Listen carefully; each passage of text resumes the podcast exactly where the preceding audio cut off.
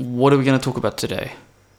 Well, toys. I think you wanted to talk about some some dangerous toys, right? Dangerous toys. You said it. It sounded really sexual when you said mm, toys. uh, okay. Well, just to clarify, children's toys, right?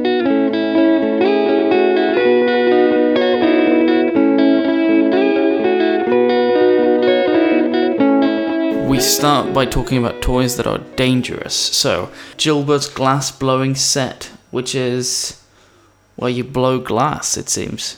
Hmm. From what era? Uh, must be the 1950s. It's quite vividly colorized. Looks really beautiful. Um, but I don't understand. So you actually blow glass. I mean, what kind of. Do you need an oven for that? Um, just a flame, I would think. Just a flame, but Yeah. you need it to be very fucking hot. Yeah. You can damage your lungs from that too. Okay, well, th- I get that. That all chemistry students used to have to make their own once upon a time, but I, I kind of imagine that a lot of these toys as well would, would stem from some sort of scientific, yeah, you know, te- teach the kids how to do t- chemistry or whatever when people didn't really know what would happen, mm. so, uh, you know, health wise. uh, What else we got? this doesn't seem like a dangerous toy in a way No. because this is something that mine, wait, that my parents used. Okay, so it's basically a, real locomotive. It runs like a real locomotive, but Mm. that's you know that's that can still be used today. I mean, you can still find toys like antique toys that you can use with kids. My grandfather's an engineer and he's built several one of these as well. Right. But he uses some sort of concentrated alcohol. He Is, also, it, was, is this a steam run? Mm, Yeah, by using a real steam propelled. So uh, Yeah. maybe it's it could be explosive. Oh, whoa, whoa, whoa. Power Might working power tools. So it's actual real tools. And Hmm. there's like a, what do you call it? A jigsaw. Jigsaw, yeah. Wait, so it's an actual metal jigsaw you get you give to kids. Well, I, I kind of feel like, you know, having grown up in the 90s as well, uh, the toys were always very safe. Like, they were always, and I kind of, you know, when you walk into a toy store nowadays, they're even safer, Yeah. you know? So it is kind of funny to see these, how all of the toys in the 90s were probably modeled after these, but they were sort of the. The dumbed down or the the safe version, the big plastic uh, Little Tikes or whatever. Unlike the pansy ass plastic shit they sell now, these were actual working tools. So you actually needed electricity and all that. I'm really surprised we haven't come across a BB gun yet. My dad, in my, you know, have, have you ever seen A Christmas Story with the little boy? And it's it's a very like surreal 1980s movie about this little boy who just wants a Remington bolt action rifle. My dad, it was my dad's generation. It was like early 60s, and the whole theme throughout it is that he wants this gun really badly, and everyone, you know, tells him that he'll shoot his eye out, and his mother is like, "No, we can't get that for you. You'll shoot your eye out." And all the kids, you know, he has these dreams where all the kids are like, "You'll shoot your eye out," and and whatnot. Um, And actually, watching that with my dad as a kid, his that that's exactly what his mother said to him when he asked for one, and he'd shoot his eye out. So, uh, this is the other thing I was talking about yesterday. Like, this is apparently a very expensive uh, toy that you can still find today, because most of these toys were obviously discontinued, recalled, and they destroyed them. But this one you can still find. And it's a working toy oven, Hmm. um, which was made for the little girls so they could become proper housewives. Not to be cu- confused with an easy bake oven. Yeah. It's just a light bulb. This is a real. Yeah, this is like gas or something. Yeah, probably, yeah. And apparently a lot of houses were set fire to because of this oven. Mm, I'm sure. Yeah, it's also completely pointless. What you're supposed to heat in there? A canapé, some peanuts, your brother's mutilated hamster. yeah, yeah, it was really small. I guess you could do a cookie. Oh yeah, they had kids waffle sets as well. Look at this. Ruth helps mother with her fine electric iron. Oh yeah. That, she must have been so proud. Now this is with no, we're coming down to the good stuff now. The really really dangerous stuff. Gilbert's chemistry set, fifty six chemicals, some of the potential deadly stuff like potassium. This uh, all I know is that this is poisonous. My my grandfather um, helped build the Manhattan Project in the 40s, and one of his childhood stories, he, he wrote a memoir. And one of the stories in the memoir is about how when he was a kid, in I, I suppose the 30s, early Yeah. 30s, um, he found napalm in in their garage and built built a bomb that he threw into the creek behind their house. Um, you know, and of course got in trouble for it from his mom and whatnot. But it, but it was funny that it was, you know, the irony of being a child and then growing up to build the atom bomb um, was just kind of a funny anecdote from him and, and how accessible it was for him to find napalm um, in the 30s. The Austin Magic Pistol. Oh, that looks fun. Yeah, it does. It looks harmless too. Um, Austin Magic Pistol allowed to shoot plastic balls at your friend's friend's penis. We're supposed to sh- could shoot in other things, but honestly, why would you? How did it work? You know, the balls were five m- magic crystals. they meant dangerous chemicals, of course. Yeah, of course they did. No, they they must have just not known, right? That that's the theme that we're seeing. They must have just not known that these things were, or or was it like you know the tobacco industry where they knew in the 1950s that it caused cancer, but they didn't do anything about it? I you, they, but they must have known that people were responsible as hell. Yeah, I mean, I mean, oh, yeah, I mean, of course they they did. They must have known that. I don't know. I mean, you know, if uh, in America in the 50s or 60s, or even sometimes nowadays, when you Mm. turned, you know, 12 or 13, your rite of passage was to get a gun. And so, you know, your We dad have a would. true American Yeah. speaking. well, well, not not my family. My mom wouldn't even have let me have a squirt gun. I was the like little kid with a, a little orca, Mm. like you know, six inch squirt gun because that's all I was allowed to have because everything else looked too much like a gun. Mm. So not really my life experience, but um, you know, definitely uh, that was a huge rite of passage, and clearly people knew that guns were dangerous if they weren't Yeah. used properly. Yeah. So I think the idea was that you would give your kid a gun and teach them how to use them, so they wouldn't grow up and be irresponsible with them. Mm. Um, whether that worked all the time, I don't know. that's maybe that's for another time, but Oh, here's my favorite one. The number one, the Atomic Energy Lab. um, we came with radioactive samples that even but that that I mean that's insane to me because yeah they- they knew that when they were be- like you know if you had any radioactive anything on you you'd have to like take like a whatever chemical shower in the lab you know like they they Yeah, knew yeah. that these chemicals were dangerous so how oh, yeah how was this given to children real samples of uranium, which is radioactive, and radium, which is a million times more radioactive than uranium. Apparently, you know, I can't really find any concrete proof that people died from this, but Mhm. apparently, if you if you came up with something on this lab site, you would uh, you could come visit the White House or the government or some shit like that. Which is also it, it sounds like they recruited young people, you know, to join building bombs for America and stuff like that. But uh, yeah, I can't find any proof that someone actually died from it, but which they must have done, obviously. yeah Do you think so?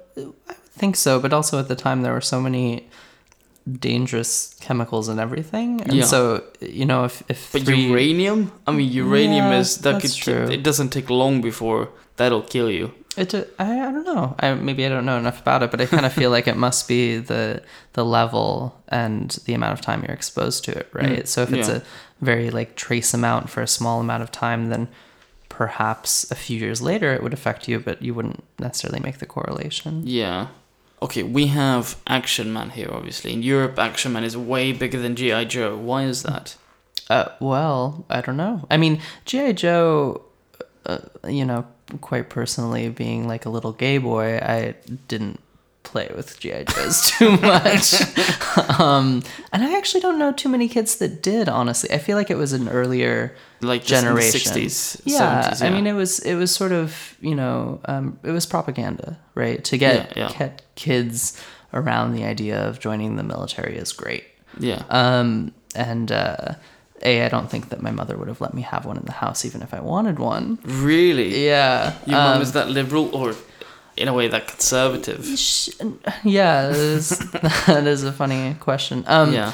I, yeah, I think that any sort of like military, uh, violent, anything propaganda was was just against strict parenting. It was, you know, she would much rather me have done something or played with something creative Yeah. than play with um, something holding a gun. Yeah, but I don't know. I don't know what would be the reason. Is it how early was Action Man, which I've actually never heard of. No, really? No. Oh wow. Uh, Action Man was, I guess he is the. I guess they existed in the eighties as well. Uh, Europeanized um, GI Joe. I Hmm. mean, that's the impression I get. He wasn't in the military; he was a secret agent, Uh, but it's still an American company, I believe, Hmm. and it had the same background. It's like you know when you read about the Romans stealing the Greek uh, mythology and all their Right. gods. It's the same kind of thing. You know, it's the same villains he had. But I remember that that's what I used to have, and the every time a Bond film came out, like GoldenEye, Tomorrow Never Dies, and The World Is Not Enough, I think there was released um, Action Man. a new that. edition. Yeah, and I used to buy. I have a lot of them at home. Never opened from their packages, and I was a big Bond fan. So my father told me once upon a time that if you never open them, they'll be worth a lot of money, Hmm. and I Mhm. listened to that unfortunately. So I never actually opened up You a lot. never played with your toys. no, a lot of my toys, I never actually opened. Oh. So, but that means that they're in thirty years' time, they'll be worth a lot more money because the yeah. It, well, I, f- I feel like it probably depends because um, it, it depends on how widely widely distributed All the toy limited editions, my friend. All right. I don't know. I kind of feel like if it's a toy that, um, you know, every single, you know, like Raggedy Ann is never going to be a. Do you know ra- what Raggedy Ann is? No. It, it's a. Sounds it's like just a, rabbit. doll. Oh, okay. It, it's just a doll with with um, red hair, and sh- that toy would never be. You know, whether it's a limited edition or not, because it was Hmm. so widely distributed Okay. there's not really a desire because they were so easy. You can walk into a you know secondhand shop and find one Mm. pretty easily. So so I feel like it kind of depends. I mean, who knows? I still keep my Pokemon cards under plastic. because you were talking about gender and Mhm. you know what you used to play with and, and stuff and i i was uh, i was typically that male kind of kid with a lot of guns Heteronormative. yeah and you know when i was like five i before weapons was a thing it was keys padlocks and codes Huh. That's interesting. yeah, and I used to. I think my, my favorite thing that my parents got me was keys. So they got me this. You know, it's like a dungeon keymaster. Mhm. They got this really big. Um, you know when you sell lotteries, you have this Mhm. ring where the lotteries are attached to this metal ring, Mhm. and I took. I got that ring basically, and I attached every single key to it, and I wore it around in my belt as a four or five year old kid. So it felt like I was in control Right. you know and i you know some kids said that like, like not some kids but some people said like, oh i look like a janitor and it's Yeah, like yeah what I well that's a that's quite a good job uh, probably i i assume but um but then i got in really into guns and i got this action man jeep and i had the james bond action man in the back uh, another james bond driving which was uh, i guess the action man butler and then the muscles in the front, and then one Barbie. I actually had one Barbie that I Mhm. borrowed from a friend. I never gave it back to her either. But Rude. yeah, but that was uh, I just assumed that they were too busy, so um, they, they I wouldn't want to buy two other Barbies, so they just shared the one Barbie, and I didn't see how wrong that was. They could just all be together, you know, Yeah. like they could all share the Barbie. Polyamorous. Yeah. Uh, now I see how sick that would be in a way. I definitely had a few Barbies. Mm. Um, anything that really involved creating a story like that that was sort of and i, I kind of feel like um, that's what's meant um, to drive children's toy sales is, is something that you can use your imagination to create a world Mm. right that you live in Yeah. so for example when i was maybe three to five i had an imaginary friend that i Mhm, would mhm. talk to and, and walk around with and my parents thought i was totally nuts. My mom was a child development major and so she was like oh red flag. But um, you know and and so it was anything that i could sort of use as a prop to create a world. So i had this doll that was like that and my parents were very good parents. They got me you know all of the the girly things that i asked for and Mm. and one doll that was like it was so weird to think like how misogynistic it was that basically it was a it was a baby doll that if you like put it upside down it would cry and you put it up like right side up it would laugh Mm-hmm. um, and so I would carry that around all the time, and and it was just so funny that like, you know this this is what was being peddled to girls. It was like like t- like literally taking care of this baby, which I always wondered was like do is it because girls want to or is it because the advertising is pushing girls to be interested in it? Mm. So I don't know. There, it's a weird reflection on on society.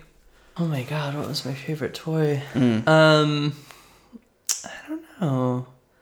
I had this Pocahontas Barbie that was pretty awesome. If you dipped her hair in hot water, it would turn purple. Like there's a streak in it Really? that went from blue to purple. Um, and that was that was pretty awesome. Uh, and that- and so it was really weird because you were always like bathing this Barbie, like trying to get her hair color to change. It was very odd. But that was obviously um, something that the toy did. It wasn't something you discovered on your own. No, that Yeah, was that yeah. was the gimmick about that toy. Yeah, yeah. Um, let's see what else. I mean, Pokemon. Pokemon was a huge, I mean, huge phenomenon. Yeah. Um, and uh, and I wasn't even really into the game. I didn't even understand. the Neither did. I. I just collected. Exactly. It was you know you had to have all your elements and you had to collect all 100. I mean, it was really genius. Yeah, yeah. yeah. Um, they did get a lot of money out of that. Oh, for sure, Uh. for sure. And it was it's a fun story. I mean, even if you go back and watch the Pokemon movie and stuff, it's still a, it's still fun. It's it's fantastical, Mm. and it made you feel like you were a part of the story by collecting these cards. And I think Mm. that that integration was why Yeah. it was so successful. What was your favorite toy when you were a kid? I collected Ty Beanie Babies, which What's Ty Beanie Babies? Oh, they were so in America. They were this gin- gigantic phenomenon where they were just like little stuffed like animals, mm-hmm, right? and so mm-hmm. there was some fantastical. There'd be like a Pegasus every so often, dragon or what uh, not. But you collected the different animals, and they all had different names. And that was one of the big things that that people at the time were like, "Oh, we have to collect these because they'll be worth so much money." And then all of a sudden, everyone had Beanie Babies, right? Because you were like told that they would be worth something someday. So they they still are. They're never going to be valuable because every single kid had them, and they're just always floating around garage sales still. Um, but those those were I must have oh god had f- hundreds of dollars worth. Oh, definitely, definitely. It was you know, um, yeah, it was, it and they were they weren't too expensive. They were like eight dollars each, but still, it adds up. I don't know. My parents were very. My mom was very afraid of the whole like video game movement. Really? I think she saw that, you know, I, I grew up in a very nice, like, forest area where I was always climbing trees and outdoors and hanging out with other kids in my neighborhood. And I think she started to see how, you know, video games were were making kids not go outside as much Yeah. and not like do anything or anything imaginative. Um, and so, you know, I begged and begged and begged, and finally I got an N64, um, and Zelda and, and Yeah. all that stuff. I mean, it was it was great. Um, but uh, they, she still definitely, both my parents still definitely pushed me to experience different things, Mm. to experience, you know, not just video games, but but here are other other toys Mm. to sort of run your imagination a little bit. Were they afraid because of the technical graphical development that it would turn into like you couldn't see the difference between right or wrong shooting someone? Um, that is a great question. I mean, I hate that argument, by the way, because it's not true. It's not true at all. I turn up fine. um, I don't know. I mean, I definitely when I was like 13, like 12, 13 was when I started sort of um, getting some video games under the table um, around my parents and, and From getting Your, your dad? Uh, yeah, yeah, or you know, if you if you went into a store, um, they wouldn't really question you. Yeah. you know, and so getting Vice City or getting you know like a game where you're shooting hookers, you know that that I don't know, I I don't know. I I mean they're still fun to play, but um, I really don't know if there is a correlation or not. But So it sounds like you had PlayStation 2 with GTA, the GTA, the Grand Theft Auto games. yeah, Yeah, definitely. yeah, yeah. That was a big revolution for kids as well. Kids, as in, we weren't allowed to have them, but every single guy had them anyways, or, and a lot of girls too. Why weren't you allowed to have them? No, I, I was allowed. Actually, my uh, it was this was just when Amazon kicked in and like like worldwide in the year 2000, I think, and I got my PlayStation 2001, PlayStation 2. Um, and my father got me GTA 3. He saw the 18 year old tag because it's on. I guess in Sweden we don't really have that on the front cover. We don't really have. If it, it's 18 years old, if it's a porno, but otherwise it's 15, 11, or you know, Mhm. no age limit. So he saw the, the in the UK the 18 year old tag that was like bright red, and he Mhm. just didn't care about it. And I started playing that, and I was the only guy who had that game at the to start off with. Vice, Vice City, yeah, Vice. Ci- Is that what it's called? Yeah. Vice City, yeah, the last, uh, the Miami one. yeah, the Mm. Miami one came out in what 2002, 2003. Then San Andreas came out, Mhm. and that was the last of the that was the last of the in the because then I think Liberty Cities and all these came out just to redo what they'd done in previous games, and then PlayStation Three came out with yeah GTA. Um, was it GTA Five? No, Mhm. GTA Five was PlayStation Four. No. Anyways, wasn't it? Yeah. Uh, I think it was three. I think the LA one. no, but the LA one, it's always been LA, hasn't Mm. it? GTA Three. No, wait, GTA Three was New York. Never fucking mind. It's always been New York, San Francisco, and LA, Yeah. and like the countryside. Yeah, and uh, you know it's kind of funny because they are. I always feel like nowadays they're kind of stagnant. Like Mm, yeah. video games are doing such interesting things with um, story and you know creating a world. Um, whereas you know I think that that franchise for a long time was able to do that, and Mm. it was sort of the only game in town for creating this massive world that you could go around. And now Yeah. it's like well, do I really want to walk down a street and kill a hooker, or do I want to like fly on a dragon Yeah. across a mountain? you know, Mm, it's mm, um, the the games are just becoming more interesting Mm. than that. mm. Um, yeah, so I wonder what EA is gonna do. Yeah. They're gonna have to compete.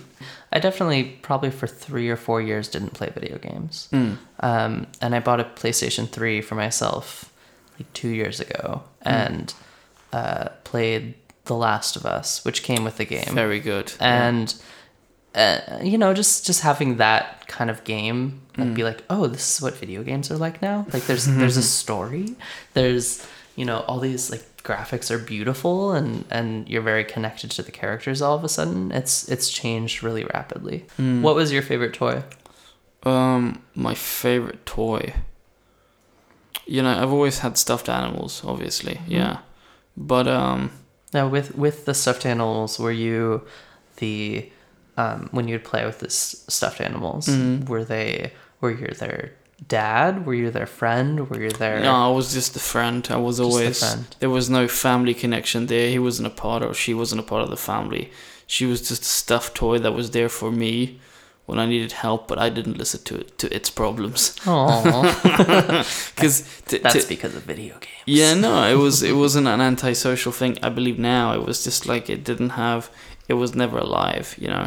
I didn't have that much of an imagination in terms of real life. I mostly just used my fantasies when I was in away in my mind, um, which was I don't know. I think that way I could um, make that world stay just in my mind, and I didn't have to bring it out all the time. And Hmm. I guess visually it was a lot more interesting. Then you know, sitting there coming out with these things, uh, you know, coming up with a story for Action Man. No, I didn't really play that way. I would mostly just build a ramp for the jeep and then seeing it crash. And a lot of parents were like, you know, um, not my parents, but some some friends' parents were like, you know, not about me, but generally like, why do kids like destroying things? And I don't know, it just, it's just, uh, it's one of the few concrete things you can do to subjects um, to make something instead of imagining things. You know, like when I was a kid, I used to, I, I had this, uh, I had a lot, a lot of Lego, like a ton of Lego, and I built the Red Baron plane. You know the Red Baron, the the, Mhm. the guy in the first war who had three wings Mhm. the red airplane.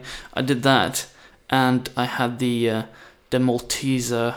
Falcon. Yeah, no, the Malte the the the Malta cross Oh, okay. that the Nazis used on Right, it right, right. too, and that was like some people like looked really weird at that.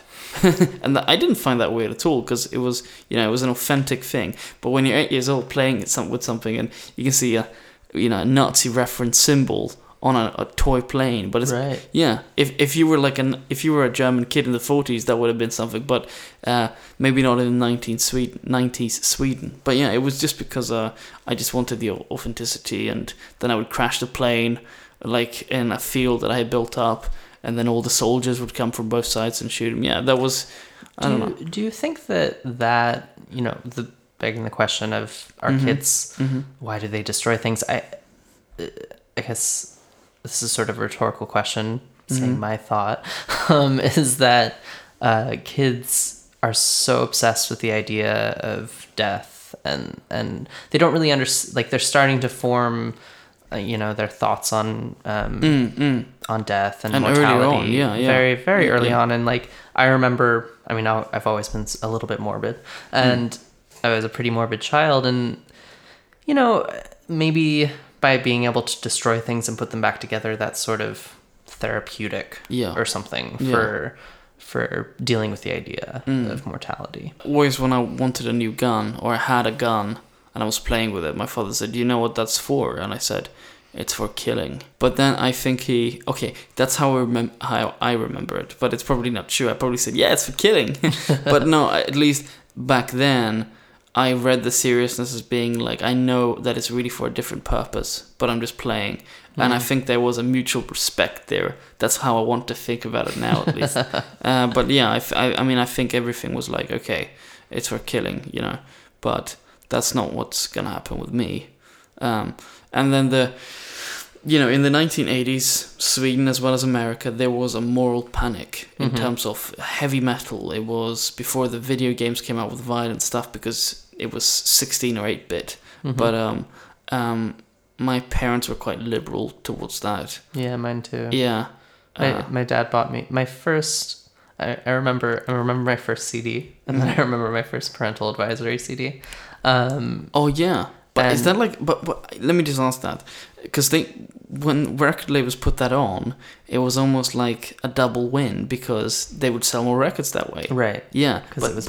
but I mean, what does that mean? Does that mean that if you're under sixteen or eighteen, you're not allowed to buy them without I- your parents? I don't remember what the age limit was. It was just.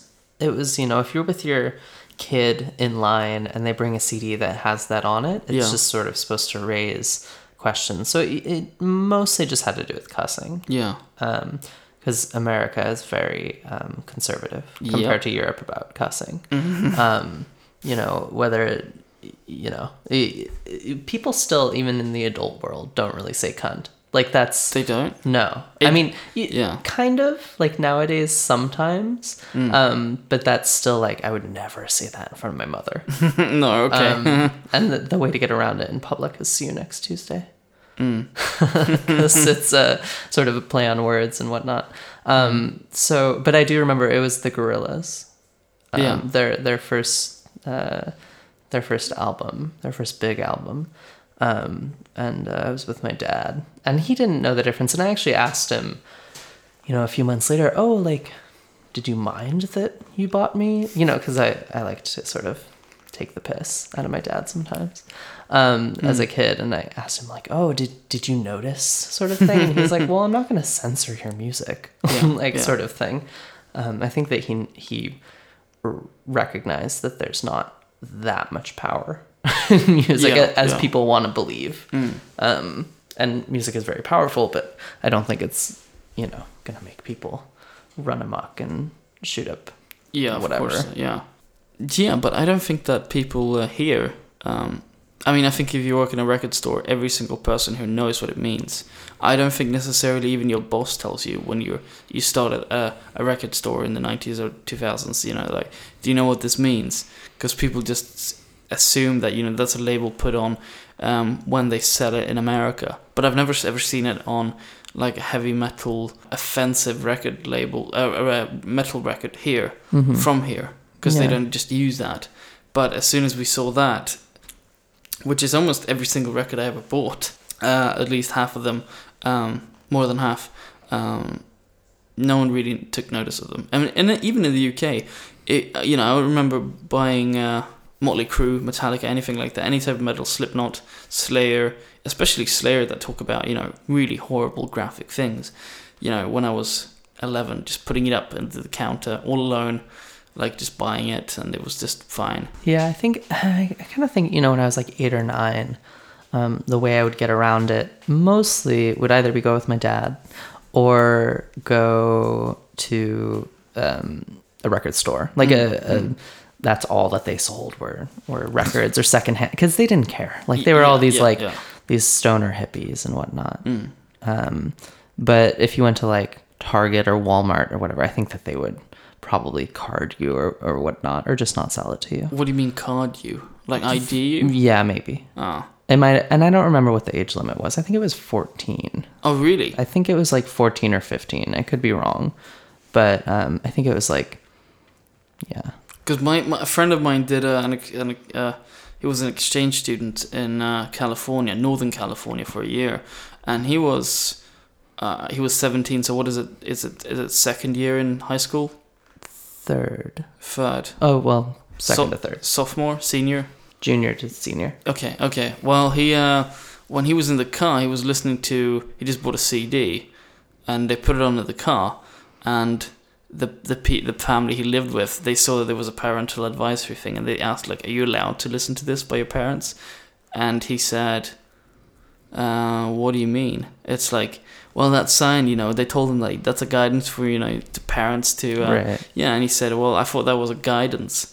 And what is it like a law here? I mean, like that only means in Sweden that it'll sell more records because it's it's it's pushing It's the boundaries bad. of something else.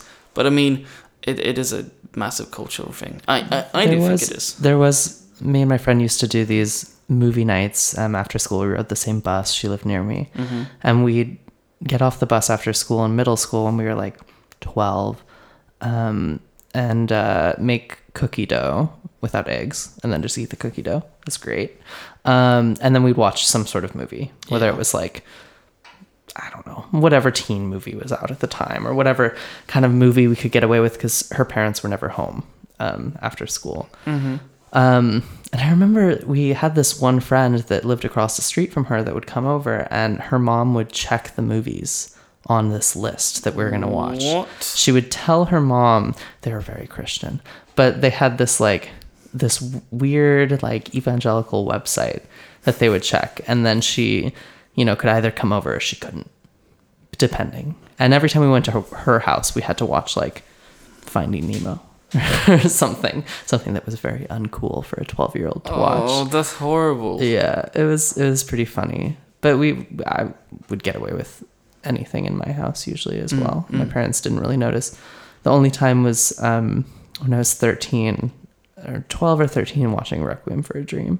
My mom decided to walk into the room right at the, you know, double-sided dildo Oh. scene with Jennifer Connelly. No, that scene is so horrible. I think it's intercut when he has just lost the arm. The the thirty seconds. To Oh, right, guy. right, right. Yeah, Jared Leto. yeah, Jared Leto, and uh, one of the Wayans brothers Yeah, is behind bars, shaking. And who Mm. was yeah the fourth character, the mother, The mother. the the fridge is talking or something like that. That's fu- oh my god! But that the intercut of that is probably the most successful nightmare sequence in a film ever But then whatever you can say about films, like that's that, but then that worked for a it's kind of people. funny because actually a friend told me recently, and this is really disgusting, that Mm. um, she went to a very nice, nearly Ivy League, Ivy League school, Mhm. um, and there was a frat on campus that like maybe once a month would hire hookers to come like fuck each other with a double sided dildo. Oh god! Um, and you could tell, like, from her telling this story, that like clearly they got this idea from Requiem, Requiem for a Dream. Like they had to have, um, you know, because Yeah. it was such a phenomenon in our Yeah. age group, and Yeah. so the fact that they found that like fascinating to do that in a group of people Mm. was just so weird. And rich, wealthy kids, you Mm. know, that had money to throw on hookers or whatever. is this connected to the word toys that the subject is on? Full circle, and we, we knew it would end up there anyway. When do you guys have to leave, by the way? Yeah, I think that's why she's here. Okay. Uh, thank you, Jess. Thank you. Uh, I'll see you in. I don't know. Are you coming back to Sweden after you leave to Berlin? Yeah. yeah, Cool. I'll be cool. back for a I'll see days. you in a couple of days. Sounds Bye. good. Bye.